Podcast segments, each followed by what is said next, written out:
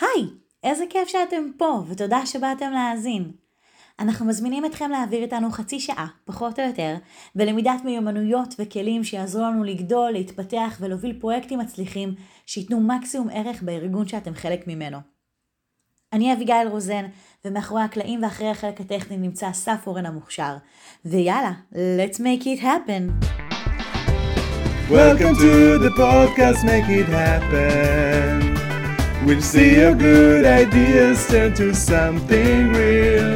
Let's find out how things started and rolled out, explore and crack jokes with interesting guests and fun segments. והיום מתארחת אצלי איריס שתדבר על ניהול פרויקטים כפרקטיקה ומה אנשים שהם לא בהכרח מנהלי פרויקטים יכולים ללמוד ממנה.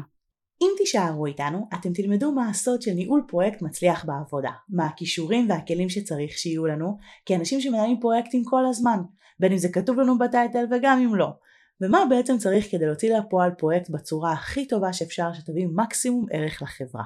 איריס היא דירקטורית של ה project management בפיוניר. לפני פיוניר היא ניהלה צוות של identity management ואבטחת מידע בבנק והייתה יועצת אסטרטגית באביב MA AMCG היא אימא לשני בנים שובבים וקונדיטורית חובבנית. את זה הייתי צריכה לדעת לפני. זה קשור. זה הולך להתקשר את אומרת. אז היי איריס. היי. איזה כיף שבאת. ממש כיף, אפילו מרגש. אני חייבת להגיד שבכלל הסיבה שאת פה זה כי חיפשתי פרויקטים מעניינים שקורים בפיוניר שאני יכולה להביא אה, לתוך הפודקאסט וללמוד ואז התחלתי לדבר איתך וזה היה כל כך כל כך מעניין שלא אמרתי לך הזוי קודם כל את באה אחר כך נמשיך הלאה. אז ממש ממש תודה. ולפני שאנחנו מתחילים, אני רוצה לשאול אותך שאלה. אני מבינה שאת באה עם המון רקע בניהול פרויקטים בכל מיני תחומים, ולכן רוצה לשאול איפה הרגשת שבאמת שמת את כל המתודולוגיות שאת מכירה אה, לידי יישום, אבל לא בעבודה. אז זה מעניין כי דווקא זה לא כל כך נכון שאני באה עם הרבה ניסיון בפרויקט, כי בעצם לפני התפקיד בפיוניר לא היה לי ניסיון בפרויקט. וואלה, רגע לא הבנתי. אה, הגעתי כאן בלי ניסיון?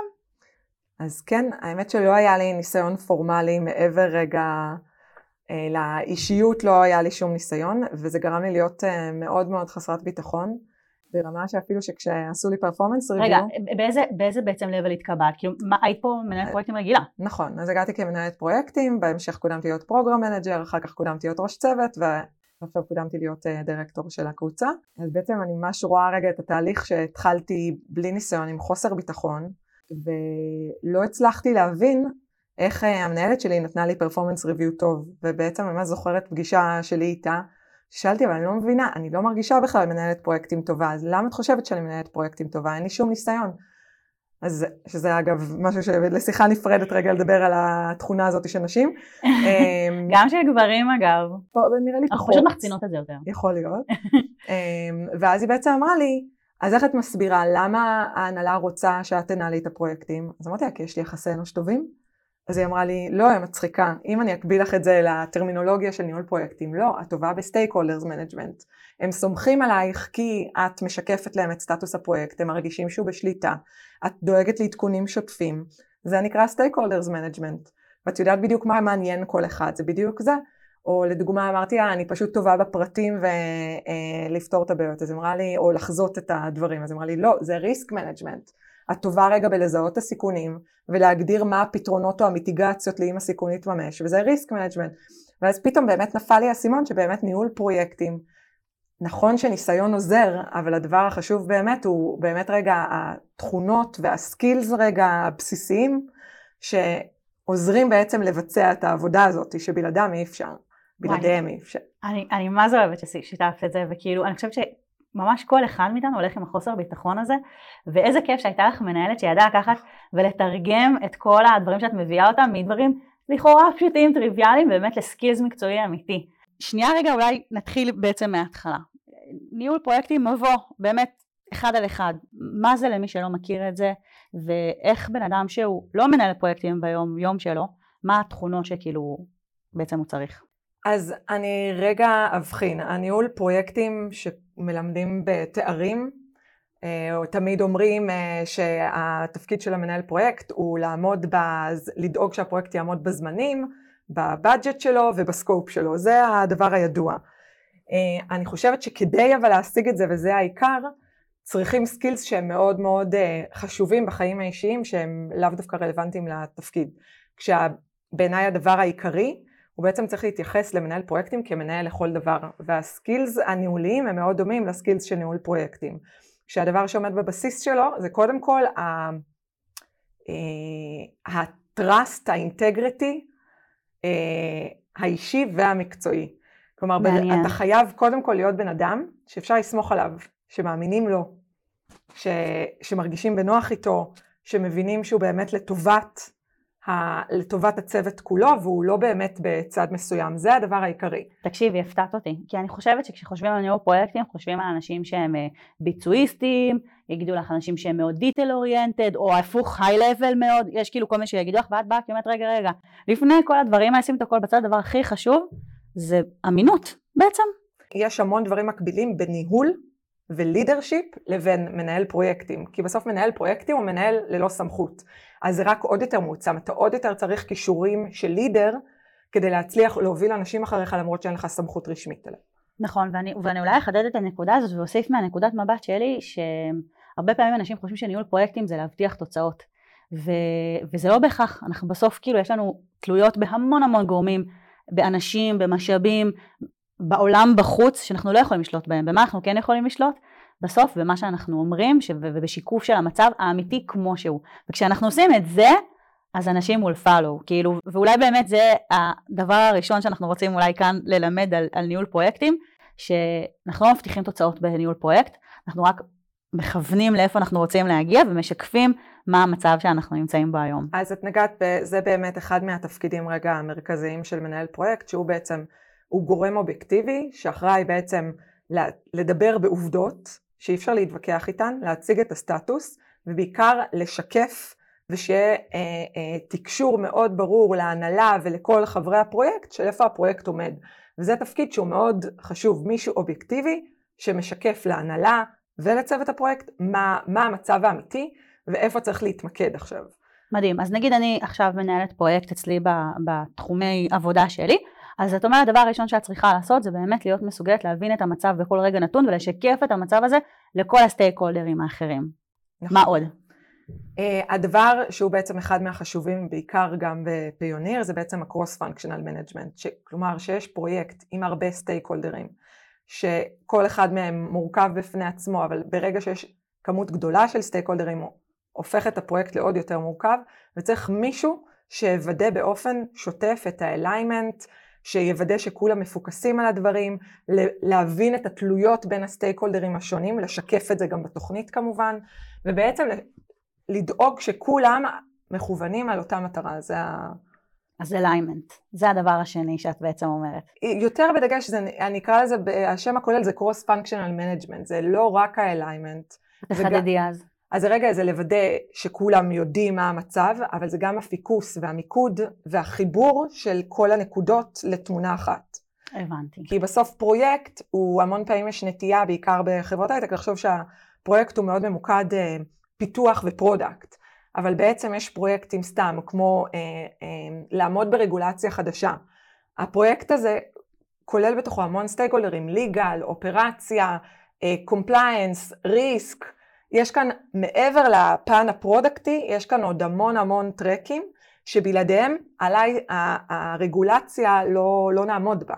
אז המנהל פרויקט הוא אחראי לנהל end-to-end את הכל עד שנשיג את היעד, ולא רק את הפיתוח המוצרי שצריך כדי לשנות uh, את השדות ב-registration של לקוחות חדשים, סתם לדוגמה. אז זאת אומרת שכאילו, אה, אם אני מבינה אותך נכון, ותגידי לי אם כן, שהאליימנט כאילו אה, כשמסתכלים על זה בצורה מופשטת זה כאילו שכולם ידעו מה המצב אבל פה את אומרת יש רובד נוסף שבעצם לקרוא את כל המפה לשלל הרבדים שלה אה, ולא רק בנקודה הצרה שעליה אני אמורה להשפיע אלא באופן רוחבי ולראות שם איך כל האבני דומינו נופלות בצורה בדיוק. נכונה. וזה מוביל לסקיל הבא שהוא הכרחי בניהול פרויקטים שאת באמת חייבת רגע שתהיה לך, זה יכולת מאוד קשה ומאוד קשה למצוא את האיזון הנכון אבל היכולת היא בעצם להסתכל מצד אחד על התמונה כולה כשאני אומרת התמונה כולה זה הרחבה עם כל הסטייק הולדרים, התמונה הארגונית שאת צריכה לשקף למנכ"ל החברה, אל מול הפרטים הקטנים. והמשחק הזה בין הירידה לפרטים הקטנים וכן היכולת לפתור בעיות ולהבין דברים טכניים, לבין מצד אחד רגע, אוקיי, לעשות זום אאוט, להגיד, אוקיי, איך עכשיו הבאג הזה שיש לי, איך הוא משפיע, מה יהיה האימפקט שלו, או יש לי delay בזמנים, בסדר, זה סיכון שבכל פרויקט כל הזמן מדברים עליו, יש סיכון שלא נעמוד בזמנים כי לא משנה מה הסיבה, כי אין מספיק resourceים, סתם. אבל אז אני אשאל את המנהל פרויקט שמנהל את הפרויקט הזה, אוקיי, ומה יקרה אם נאחר? מה יהיה? מה ההשלכה? ההשלכה היא שלא נעמוד ברגולציה ונהיה חשופים, legally, כן. compliant. אז זו, היכולת הזאת היא רגע, באמת להבין את ה bottom line ואת ההשפעה האמיתית ולהגיע לזה, זה היכולת הקשה. כי לא להגיד יש באג, אלא להגיד יש באג שעלול לגרום לזה שנהיה ב exposure, שעלול לגרום ל fine, זה מה שאתה צריך לשקף להנהלה, כי הם לא מבינים מבחינתם הכל סינית, ואתה צריך לתרגם להם את זה בסוף לדברים ביזנסיים. אני מתה על זה, כי באמת אני חושבת שאחד הדברים שאנחנו אה, בכלל, לא מנהלי פרויקטים, באמת כשאנחנו עובדים על פרויקטים זה שאנחנו אה, יודעים להציף בעיות, אבל אנחנו עושים כאילו חצי דרך, נכון? נכון. אנחנו אומרים, יש בעיה, וכאילו, ואז יש שתי נקודות כאילו שתמיד אנחנו כאילו לא, אה, או, או לפחות אני יכולה להגיד על עצמי, שאני מאוד מאוד משתדלת אה, לשים שם דגש, זה אחד, לבוא כבר עם פתרון, וזה נורא קשה. בדיוק. כי, כי אני כאילו צריכה לדלות את זה, אין לי מושג מאיפה, אבל אני שמה לב שב... לא יודעת מה, אני לא רוצה לתת אחוזים פה, אבל ברוב הפעמים שאני באה עם איזשהו פתרון, לא משנה כמה גירדתי אותו מאין לי מושג איפה, זה כבר היה איזשהו בסיס פורה למנהל שלי להגיד, אוקיי, לכי לכיוון הזה, רגע, בעצם אם את חושבת על הכיוון הזה, כאילו, זה כבר הופך את הדיון לדיון אחר לגמרי. והדבר השני שאת אמרת, ש, שגם נורא מעניין, זה לא רק להגיד יש בעיה, אלא לבוא גם באמת עם ההשלכות שלה, להגיד, הבחור הזה והזה לא, אה, לא משתף פעולה, זה אחלה, לא גם בחורות לא משתפות פעולה, אבל, אבל, אה, אבל זה נקודה אחת, להגיד אם הוא לא ישתף, אם כאילו אנחנו לא נקבל ממנו את החומרים עד X, המשמעות של זה היא Y, זה כבר הופך את כל הדיון לדיון אחר נכון, לגמרי. נכון, אז אני רגע אחדד את זה, כי זה בעצם קשור, אם נתרגם את זה למתודולוגיה של ניהול פרויקטים, את מה שאמרנו שמאוד בסיסי והוא רלוונטי לחיים האישיים, זה בעצם נקרא risk management. בעצם המטרה היא, כבר בתחילת הפרויקט, כשאת מתכננת וכבר מבינה בגדול מה ה scope של הפרויקט, כבר להתחיל לחשוב, אוקיי, מה הסיכונים שיש לי בפרויקט. עכשיו זה ongoing task, זה לא משהו חד פעמי, זה משהו שצריך לתחזק אותו במהלך הפרויקט, כי הסיכונים משתנים עם הפרויקט. אבל החלק החשוב, מעבר לרגע להגיד, יהיה, יהיה דיליי בזמנים, שאני אישית לא סובלת את הסיכון הזה, כי אני רגע, עוד פעם, אני רוצה, תגיד לי מה הבוטום ליין, מה יהיה האימפקט של זה אה, לגול של החברה. מעבר לזה, אחרי שזיקקנו ואנחנו מבינים מה האימפקט, זה להציע, את קראת לזה לה, להביא פתרונות, אני קוראת לזה מיטיגציות, זה בעצם, ויש שני סוגי מיטיגציות, זה איך אני יכולה להפחית את הסיכון, איך אני יכולה להוריד את ההסתברות שהסיכון הזה יקרה, כי סיכון זה משהו שהוא לא בוודאות יקרה, זה משהו כן. שיש סיכוי מסוים שהוא יקרה. וגם אנחנו לא יכולים לשלול אותו לגמרי, ב... רק להוריד את הסיכון נכון, אז איך אני מורידה את הסיכון? זה סוג של מיטיגציה אחת, והדבר השני זה, אם הסיכון יתממש, איך אני בעצם מפחיתה את האימפקט שלו, את הנזק שלו. מעניין. וכש, ו, ולכן, כאילו, כשאת תחשבי במונחים האלה, את תצליחי את בעצמך לזקק את הדברים ולהביא אותם גם להנהלה. ואז איזה החלטות, מה את רוצה, בעצם מנהלים בכירים הם בדרך כלל מאוד חסרי סבלנות, אין להם סבלנות לפרטים, ואת צריכה להגיע, להגיע עם הפתרונות כבר, וזה לא רק פתרונות, אלא הם יגידו, מה את צריכה ממני? ואני אגיד לו, אני צריכה, אחד, אני צריכה שתשים לי יותר ריסורסים בדאטה. אני צריכה שיהיה priority במקום הזה. אני צריכה שיהיה workshop, שכל האנשים מתפקסים רק ועובדים על זה. לתת ממש צעדים פרקטיים לאיך אפשר לתת פתרון לבעיה שאת uh, מזהה. אז זה באמת דבר שזה נשמע מאוד ברור, אבל מאוד קשה ליישם אותו. אני חושבת שזה לא ברור בכלל, כי, כי כשאנחנו יוצאים לפרויקט, אני חושבת שאחד הדברים שאנחנו הכי חוטאים בהם, זה לדמיין שהכל יקרה סבבה. נכון? שכאילו הכל ייפול לנו בדיוק כמו שהיינו רוצים שזה יקרה אה, ודווקא אני חושבת שלא יודעת אולי זאת רק אני אבל אנחנו דווקא חוטאים בלא להסתכל לצדדים האפלים ו-what can go wrong אה, ודווקא המקום הזה שאת אומרת שכאילו לא להכיר בסיכונים מראש וכאילו דווקא הדבר הזה הופך אותך להרבה יותר מקצועית כי את כבר באה עם הפתרונות האפשריים או, או, או כאילו נכון. והצעד הבא אגב אחרי שאתה מזהה את הדברים האלה ומזהה, ומגדיר ביחד עם זה עבודה קבוצתית כן? זה יחד עם צוות הפרויקט אתה עושה brainstorm על הסיכונים לא מנהל הפרויקט ממציא את זה לבד. הוא זיהה כבר ליקט במהלך העבודה שלו סיכונים אבל הוא גם עושה brainstorm עם צוות הפרויקט מגדירים את המיטיגציות השונות ושמים אותם ולוקחים אותם בחשבון בתוכנית. כלומר, חלק מיצירת תוכנית העבודה של הפרויקט היא להכניס בחשבון את המיטיגציות האלה, כי את לא יודעת אם הסיכון הזה יקרה, אז את חייבת לקחת בחשבון ולעבוד מראש על המיטיגציות. והדבר השני רגע שרציתי להגיד, שהשיח הזה הוא מעורר לא מעט פעמים התנגדות. למה? כי אנשים המון פעמים מעדיפים גם, נקביל את זה רגע לחיים האישיים ולפוליטיקה, סתם, אה, בדיוק בעלי אמר לי את זה, הוא בדיוק מדבר על מה הסיכונים בממשלה החדשה, ומה יהיה, ואיך החיים יראו, ומדבר איתי על מיטיגציות, למה יקרה אם סיכון כזה וכזה יתממש. ואז אמרתי לו, די, נמרוד, זה רחוק, כאילו. אומר לי, את היית מתנהלת ככה בפרויקטים שלך? אז אמרתי לו, אתה צודק, ממש לא, וככה הוא עורר אותי רגע ל... לכן לחשוב על הדברים. הוא אומר, בעבודה אני בחיים, אני אחשוב מראש על הסיכונים, ואני אעדיף לא להיות בת יענה ולחפור את הראש שלי באדמה, ויש קושי לאנשים לדבר על אה, סיכונים, כי לא רוצים להכיר בהם גם, או לחילופין, יגידו לי, למה את מבזבזת לי את הזמן? כן, מה הסיכוי ש... שזה יתממש? אין סיכוי שזה יקרה, כן. טוב, אז דיברנו קצת על תכונות או דברים שחשוב אה, למנהל פרויקט שיהיה לו, אבל אחד הדברים שלא נגענו בהם עדיין, ודיברנו על זה כן לפני, זה היכולת לשים כאוס בסדר מסוים. נכון. תשתפי אותי קצת על זה. אז אני חושבת שאפשר לקחת את כל הדברים שדיברנו עליהם עד עכשיו, ולתת באמצעות זה דוגמה. ניהול סיכונים. אז אחד מה, אחת מהדרכים בעצם אה, לוודא שאנחנו באמת נוגעים בבוטום ליין, היא גם להשתמש בתבנית, וכשאתה מנסח סיכון, לא להגיד, הסיכון הוא שהפרויקט יאחר בזמנים, אלא להשתמש בתבנית של if then. אם יקרה ככה וככה, אם יהיה delay בזמנים והפרויקט יתעכב כתוצאה ממחסור במשאבים, אז אנחנו עלולים להיות ב exposure גדול מבחינת, ה, מבחינת compliance ורגולציה, ואנחנו עלולים לקבל קנס, או עלולים אה, שיפסיקו את השירותים הפיננסיים שלנו. אבל למה התבניתיות הזאת כל כך חשובה? כי התבנית הזו מכריחה בעצם מי שמנהל את הפרויקט, גם אם הוא לא מנהל פרויקט באמת רגע, לחשוב על הבוטום ליין. כי לעשות את ה-if then מכריח אותך לגעת באימפקט.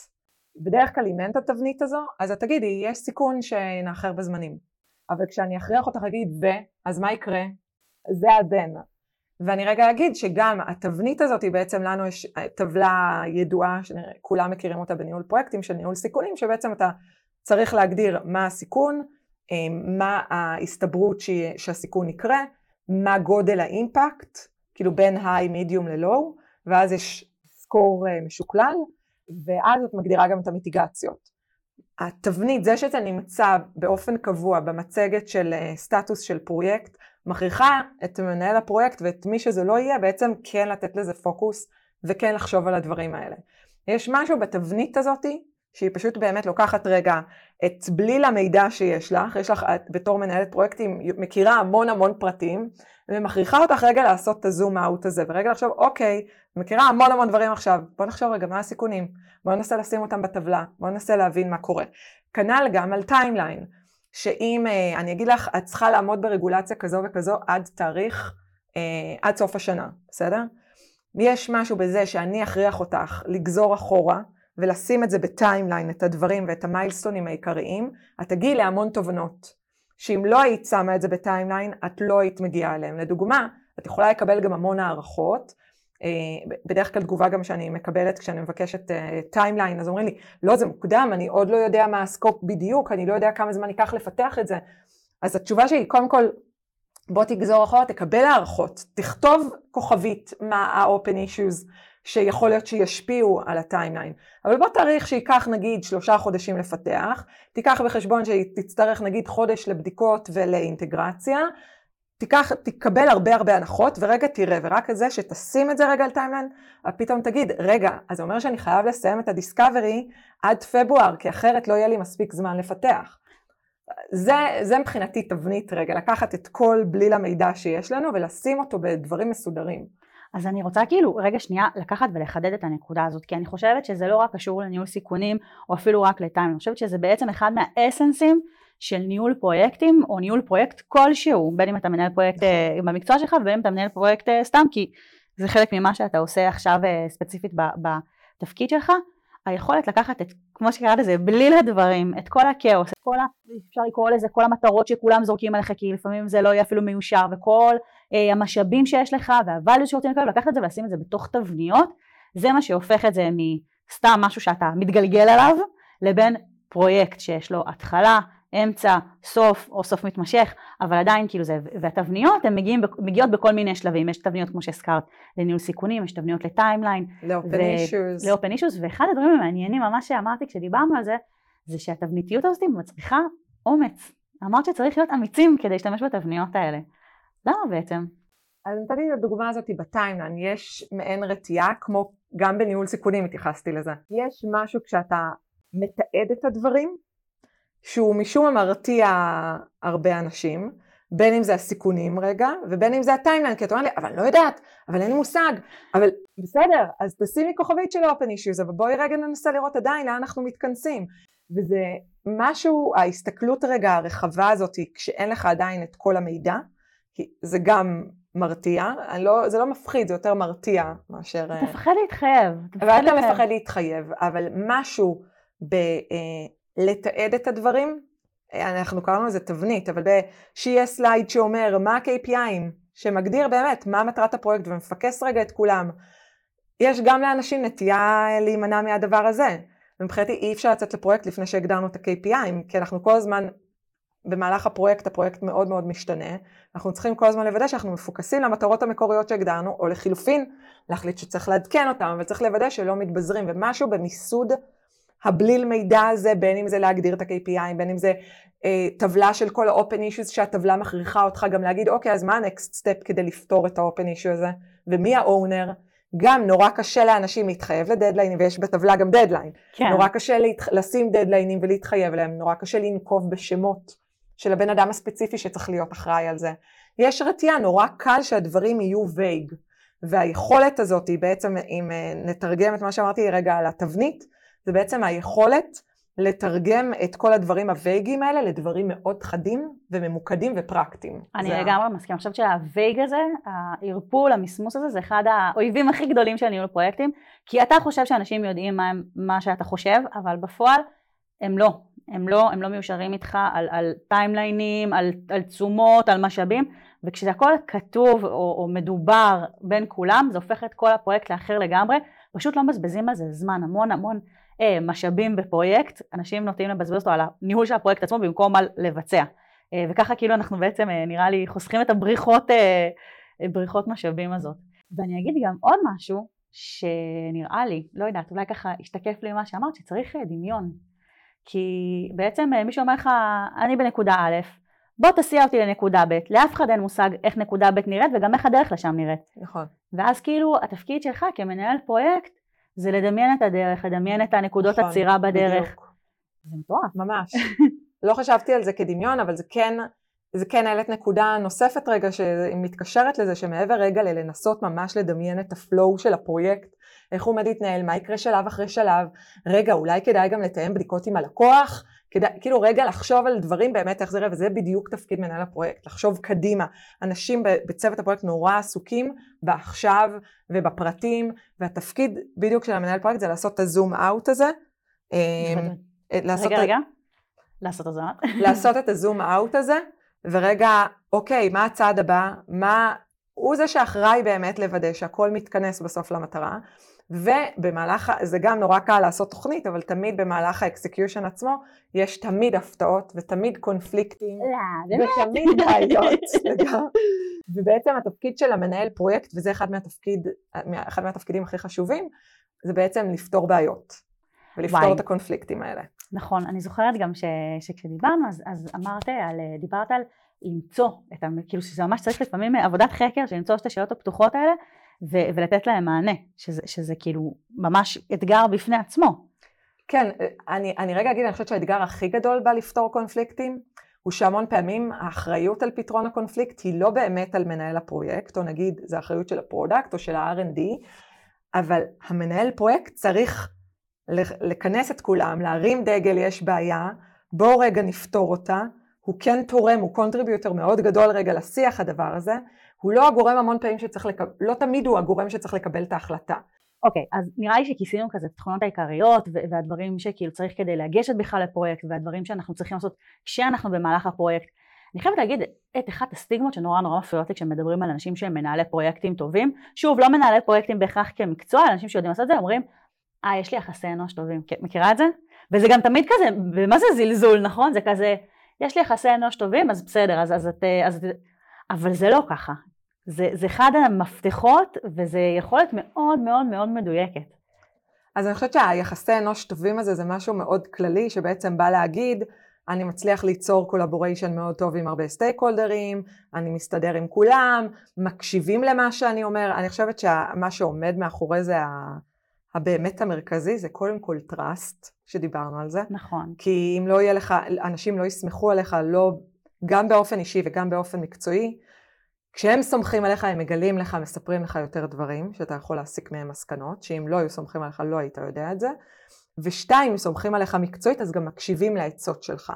עכשיו החוכמה בלהיות מנהל פרויקטים באמת טוב, זה לגרום לקבלת ההחלטות הנכונות. ויש כמה שיטות אם אני מנסה לחשוב בעצם איך אתה מצליח להניע בן אדם לקבל את ההחלטה שאתה חושב שהיא נכונה. אני רק אגיד לפני שבאמת אחד האתגרים הכי גדולים בניהול פרויקטים זה שאתה לא באמת הבן אדם שאשכרה מזיז את העט מימין לשמאל. נכון. זאת אומרת, אתה, ואז אתה מאוד מאוד תלוי באנשים האחרים, ולכן ה collaboration פה של אנשים אחרים היא לא כאילו חשוב, הוא קריטי. נכון, ה collaboration וה engagement, אתה חייב לרתום את האנשים ושכולם יירתמו למשימה הרגע של הפרויקט ויבינו מה המשימה.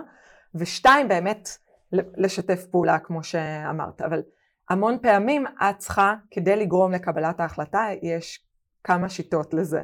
אתה קודם כל צריך לחשוב על what's in it for me. Uh, מה, למה לבן אדם השני כדאי לעשות את מה שאתה אומר? מה זה יביא לו? Uh, לדוגמה, uh, אם אני פונה ל-Chief Compliance Officer, אני רוצה שהוא יגרום לתעדוף של משאבים עבור הפרויקט, אז אני אסביר לו את ה bottom line. תקשיב, הפרויקט עכשיו הוא ב delay רציני. אה, אם לא יהיו משאבים, הפרויקט יתעכב, והוא יגרום ל delay בזמנים שיגרום ל exposure compliance מאוד גדול. אז בעצם את אומרת, ב WIIFM בעצם אנחנו צריכים לחשוב על הצד השני, מה לא חשוב, לא מה לי נכון. חשוב, לא, לא אכפת לו נכון. שאני מאחרת ושהבוס יכעס עליי, אין, אין לי מה לספר לו את זה. לחשוב איך זה משפיע עליו, מה לא יהיה, דרך אגב, אני, אני יודעת שזה גם פשוט נקרא קצת השיטה הזאת, אז, אז זה לא רק אה, אה, בחלק המקצועי, אפשר גם להשתמש בחלק הפרסונלי. נכון. אם זה בן אדם שהוא מאוד אוהב לשתף פעולה, או אם זה בן אדם שמאוד אכפת לו נגיד מאיך מסתכלים עליו. נכון. אה, בקיצור, הכל פה קשר. נכון, ממש. אה, ולמצוא את הנקודות שבאמת לא אכפת, ואת זה כאילו לתקשר. נכון. אה, משהו שאני תמיד שואלת ובוחנת באמצעותו אנשים זה נורא היכולת של פתרון קונפליקטים היא קשורה גם ל WIIFM האלה. אה, כי בעצם כשיש איזה קונפליקט מסוים, סתם, אפילו את אה, כמנהלת אה, פרויקטים, את רוצה לשאול את, ה, את ה product מתי הוא עושה solution overview, ואז הוא אומר לך, לא קבעתי, אוקיי, אז מתי אתה קובע? לא מתכנן לקבוע, לא חושב שצריך את זה. איי איי איי, נקודה כואבת העלית פה. אני רואה, זה סתם דוגמה, זה לא קשור רגע אם זה product או מישהו אחר, אני כן. רגע אומרת משהו שאת חושבת שצריך לקרות בפרויקט, והוא לא קורה. ואז ה- היכולת הזאת רגע להבין מה מניע אותו, השאלה שהייתי רוצה אוטומטית שהמנהל פרויקט ישאל אותו אחרי שהוא ענה כזה דבר, שואל אותו למה? למה אתה לא חושב שצריך? וואי, איך אהבתי את זה. זאת אומרת ו... שכאילו, כי לפעמים אנחנו מסתבכים נורא, אני יכולה להגיד שאני, כששמעתי על השיטה אז הסתבכתי נורא עם איך אני מגלה את זה. פשוט תשאלו למה. נכון. פשוט תשאלו למה. ואז, ואז הוא יגיד לך, נגיד, כי אני חושב שזה בזבוז זמן. אני חושב שסתם אנשים היוו המחשב שלהם בזמן הפגישה, וזה בזבוז זמן של כולנו. אז אני אמצא פתרון שהוא באמצע הדרך בינינו, שהוא, אה, אני אגיד לו טוב... מוכיח שזה לא בזבוז זמן. נכון. אה, אה, תקשיב, אני, או אני חושבת שיש עכשיו חוסר אליימנט מאוד גדול. ואם אנחנו לא נעשה את הפגישה הזו, בסוף נגלה באמצע הפרויקט שיש בעיה. שווה לנו לעשות את זה עכשיו, כדי שכולנו רגע נוודא שאנחנו מיושרים, ושלא באמצע הפרויקט נצטרך הכל מההתחלה. אז זה דוגמה אחת. דוגמה אחרת זה להגיע לפתרון באמצע, אוקיי, אז בוא נעשה רק את הפגישה ממש ממוקדת, רק חצי שעה, רק על הנושא הזה והזה שאני חושבת שיש misalignment לגביו. כלומר, היכולת הזאת היא רגע להתגמש ולמצוא פתרונות שהם גם יצירתיים ועונים על מה שהצד השני רוצה, זו היכולת החשובה של פתרון קונפליקטים שחשוב שיהיה אותה למנהל פרויקטים. אוקיי, okay, אז אמרנו שאחד הדברים באמת כדי לנהל קונפליקטים זה בעצם להבין מה הצד השני רוצה ואיך אנחנו עושים את זה, זה פשוט על ידי שאלת למה. אה, ואז כשמשוקף לנו על למה אנחנו יכולים גם כאילו לענות על זה בצורך, כאילו להבין את הצורך וגם לזה, וגם למצוא איזשהם פתרונות ביניים שבעצם עושים אינדיקציה לחשש או לצורך אה, של, של כל הצדדים. אה, יש עוד משהו? אז אני חושבת שאחד מהדברים שהם בבסיס גם של ניהול פרויקטים רגע זה להיות רגע פרטנר אמיתי. להיות מישהו שאחד הוא אובייקטיבי, שתיים הוא נטול אגו, ושבאמת המטרה שלו היא טובת הפרויקט רגע וטובת ה stakeholder ים. אז כשיש החלטה מסוימת שאני חושבת שצריך לקבל כדי לפתור קונפליקט כזה או אחר, אני יכולה לדבר עם הבן אדם, להסביר לו למה אני חושבת שככה וככה ואיך זה יעזור לו ומה זה יעשה לפרויקט. וזה לא אכפת לי אם אני קיבלתי את ההחלטה הוא קיבל את ההחלטה, המטרה היא לגרום לקבלת ההחלטות הנכונות. זה פחות משנה אם יגידו, אני חשבתי על זה כמנהלת הפרויקטים על הרעיון הזה, אלא העיקר שההחלטה הזאת תתקבל. לא אכפת לי שלא יציינו אותי, אני בעצם האישה שבשקט אה, מנחה את בעלה מה לעשות. אה, מעניין שזה דווקא דוגמה שהבאת. אולי זה לא דוגמה כזאת טובה וקצת... אה, אם בעלה של איריס מקשיב, שים לב, אולי לא כל ההחלטות שלך יתקבלו באופן אובייקטיבי. זה נכון. המטרה היא באופן שקט רגע לגרום לאחרים לקבל את ההחלטות הנכונות. לגמרי. אני יכולה לשתף אותך שבדיוק מישהי שאני מאוד מאוד אוהבת הראתה לי, שגם היא קיבלה סוג של ריוויו 360 כזה. אה, קצת אחר אמנם, אבל אה, כתבו עליה מלא דברים והיא ממש התבאסה שלא כתבו עליה שהיא מקצועית, זה ממש הזכיר את מה שאמרת בהתחלה. אה, היא ממש התבאסה, לא כתבו שאני מקצועית, אמרתי לה, אז מה כן כתבו? ואז היא שלחה לי מין כזה צילום מסך וכתוב שהיא עושה את הדברים בשקט ובנועם ושהיא גורמת לדברים לקרות בלי שאף אחד ידע, וכאילו אמרתי, ממי זה מקצועי, זה זה, זה זה, זה. כן. אני מאוד מאוד אוהבת את זה, מאוד מאוד שמחה ששיתפת. יש עוד משהו שאת היית רוצה לשתף? שככה כזה בוער בך שאנשים שאולי הם לא מנהלי פרויקטים שידעו ויכירו וישתמשו אולי בכלי הזה? אני חושבת שחפרנו על הדברים העיקריים החשובים, אבל אני בעצם חושבת שיש סיפוק באמת מאוד גדול רגע, בסוף הדרך בעיקר. זה אחד רגע לראות רגע איך בעצם התפקיד של מנהל הפרויקט הוא גם ליצור את הצוות, את ה-team work הזה. זה גם, זה לא רק במובן המקצועי אלא גם במובן האישי. כאילו רגע לגרום באמת שיהיה שיתוף פעולה אמיתי בין כל אנשי הצוות, שבאמת רגע כולם מפוקסים סביב מטרה אחת, וזה ממש יוצר אה, חברויות אמיתיות שאחר כך נמשכות. ויש סיפוק מאוד גדול לראות רגע איך התחלת בתחילת הפרויקט, ואיפה סיימת בסוף, וכמה מכשולים עברת בדרך עד שהגעת למטרה, ויש בזה סיפוק מאוד מאוד גדול. אה, אז גם אם אתה לא ה product או לא ה-R&D שפיתח את הפרויקט, אה, אתה בעצם הובלת את זה. אתה הובלת את זה וזה היה חלק אה, ניכר מהעבודה שלך ומהחיים שלך, אז יש סיפוק שהוא מאוד גדול, אני חושבת שזה הרבה מעבר ל... למשהו, למטרה המקצועית הספציפית. טוב, לא, את שכנעת אותי, את לעבור על ניו פרויקטים, סבבה. אמ, ממש ממש תודה שבאת, היה ממש כיף, אבל שנייה לפני שאנחנו אה, מסיימות, אני רוצה אה, לעשות איזושהי פינת קוויקס שאלות כזאת. מתחילים. מה הפרויקט הכי כושל שעבדת עליו? וואו, אה, היה לי, האמת ישר עלה לי. כאלה שהיו לא, אין לי, אבל לי לא, ישר יש לי ארבע דוגמאות. לא, יש. עבדנו על אה, פרויקט במשך איזה שנה, אה, שהיה לו ממש גם צוות ייעודי גם ב-R&D, והיה לו product, היה ממש צוות ייעודי, cross function על הדבר הזה. ועבדנו שנה שלמה, ובסיום הפרויקט כשעלינו, גילינו שאנחנו ממש לא עומדים ב... KPI ים של הפרויקט ולא משיגים את המטרה בכלל, ונאלצנו לחזלש אותו. וואו, זה, זה נגמר ו... בחזלוש? זה נגמר בחזלוש כי הוחלט גם ברמה של אה, תעדוף שלא נכון במקום, במצב הנוכחי להשקיע בו עוד משאבים. איך זה מרגיש? זה שלום מאוד גדול. מה עשית עם זה?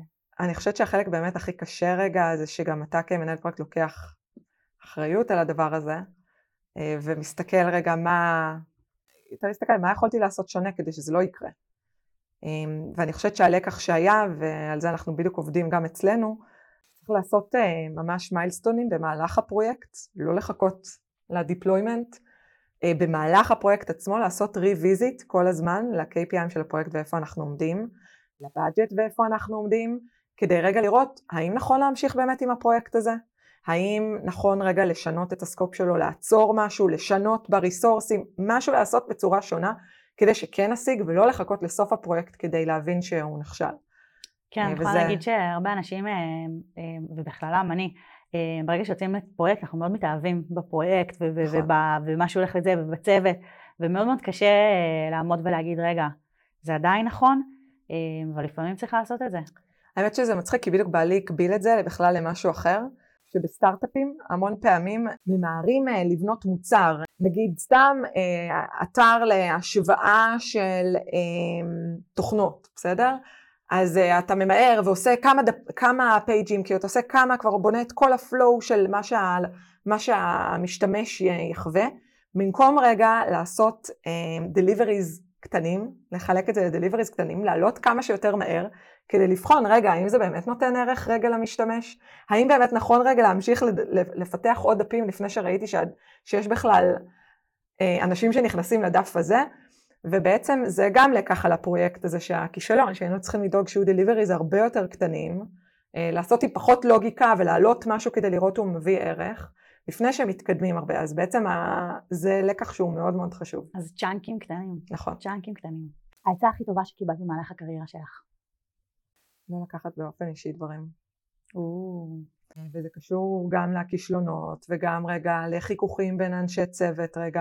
אני חושבת רגע הכל הוא אישי, כי כשאתה מונע מפשן, אז זה אישי. נכון. אה, אבל היכולת הזאת היא רגע להגיד, רגע, זה לא שלי, זה שלו, או זה מקצועי. רגע לנסות רגע לנתק אותך ולהבין שהבעיה היא לא בך וזה לא אישי, אז אה, מקל על מציאת פתרונות, על ההתמודדות וכו'. פלאפל או סביח? סביח. עם אמבה או בלי? עם. תקשיבי, אני, אני מגלה פה מוטיב חוזר בינתיים. שאני גבר? לא, א', כולם, אנחנו לא שופטים, אבל כולם פה אוהבים אמבה, זה כן, כאילו... גדול. תקשיבי, אני כל פעם כאילו שואלת את זה קצת בחשש, אבל וואלה, זה מחזיק. חמש בבוקר, בדיוק התעוררת הרגע, הלכת לישון. אה, התעוררתי בשש. זה מספיק עכשיו? זה מספיק ארוך. התעוררתי בשש כדי להספיק להתאמן לפני העבודה. וואו. אמ, אז בטן גב בכריתים או טרק במון בלאן? טרק, חד משמעית. אה, שאלה? רגע, טרק עם קינוח של בטן גב. אה, ברור. זה השלמות. זה האיזון זה הכל כן. בחיים. כן. אה, אז שאלה אחרונה, נגיד שיש, שהחברה שאת עובדת בה עושה אקזיט מטורף, וזכית במלא מלא כסף, את לא צריכה לעבוד יותר, לפחות לא כלכלית, אה, מה את עושה בכסף? הופכת להיות מורה. הייתי בטוחה שתגידי קונדיטורית. לא. כי אני חושבת שקונדיטורית זה משהו שאני מאוד נהנית בו כתחביב, אבל לא הייתי באמת רוצה לעבוד בו כי הוא מתיש קשה ובעייתי אה, בהרבה מובנים. אבל מורה? כן, לעשות מה שקשור לחינוך, מה שקשור לילדים. למה? חשבון. וואו. אני רואה אותך מורה לחשבון. כן. אימא שלי הייתה מנהלת בית ספר, אז אה, עובר בגנים כנראה, אבל אה, אימא שלי אמרה לי לא להיות, מנה, לא להיות מורה, אז... אבל אם היה לי כסף, אז כן, הייתי הייתי עוברת למשהו חינוכי. מדהים. נראה לי שהילדים של מדינת ישראל מחכים לך, אז אה, אני אדבר פה עם פיוניר ש... אמ, זהו, תודה רבה שהיית איתנו. תודה לך, היה ממש מעניין.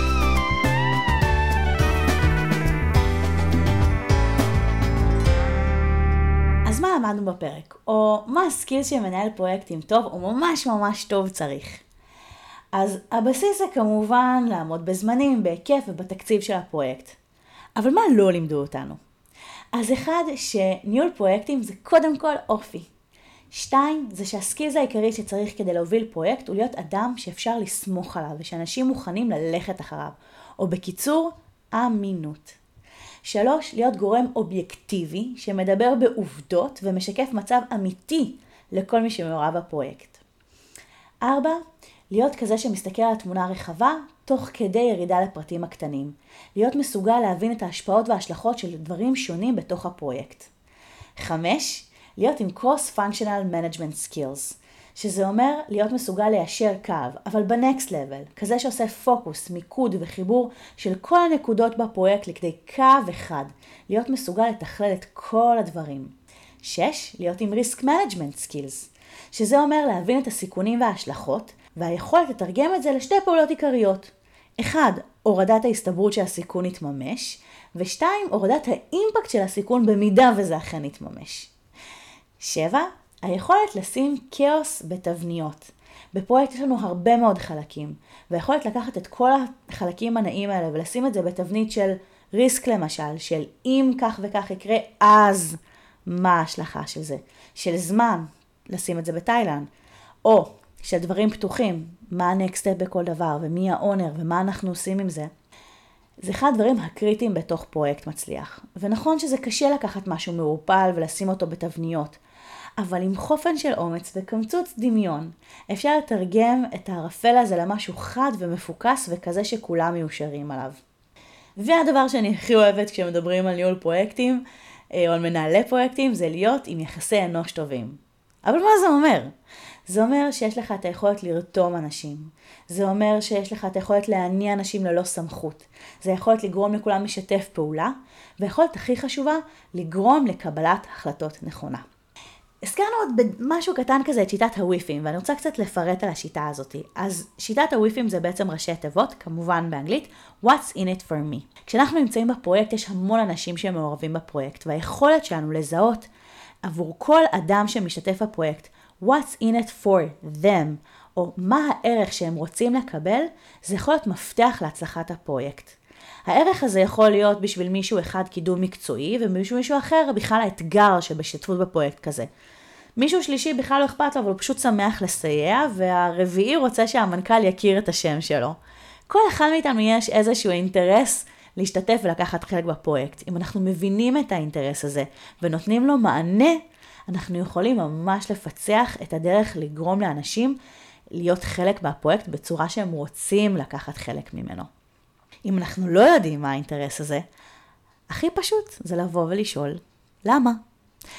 אם אנחנו נמצא את התשובה האמיתית, אנחנו נוכל למצוא פתרונות יצירתיים וטובים לחיבור של האנשים האלה לתוך הפרויקט, וזה שווה הכל. זהו, זה היה הפרק, מקווה שממש ממש נהנתם לפחות כמוני, ואיריס, כל כך כל כך נהניתי, יואו, תבואי שוב, טוב? You just heard the podcast make it happen. The place to see ideas turn to something real. Stay tuned, see you next time. Please drive safe, wear sunscreen and hat. Try to eat with a fork and knife and don't make noise between two and four.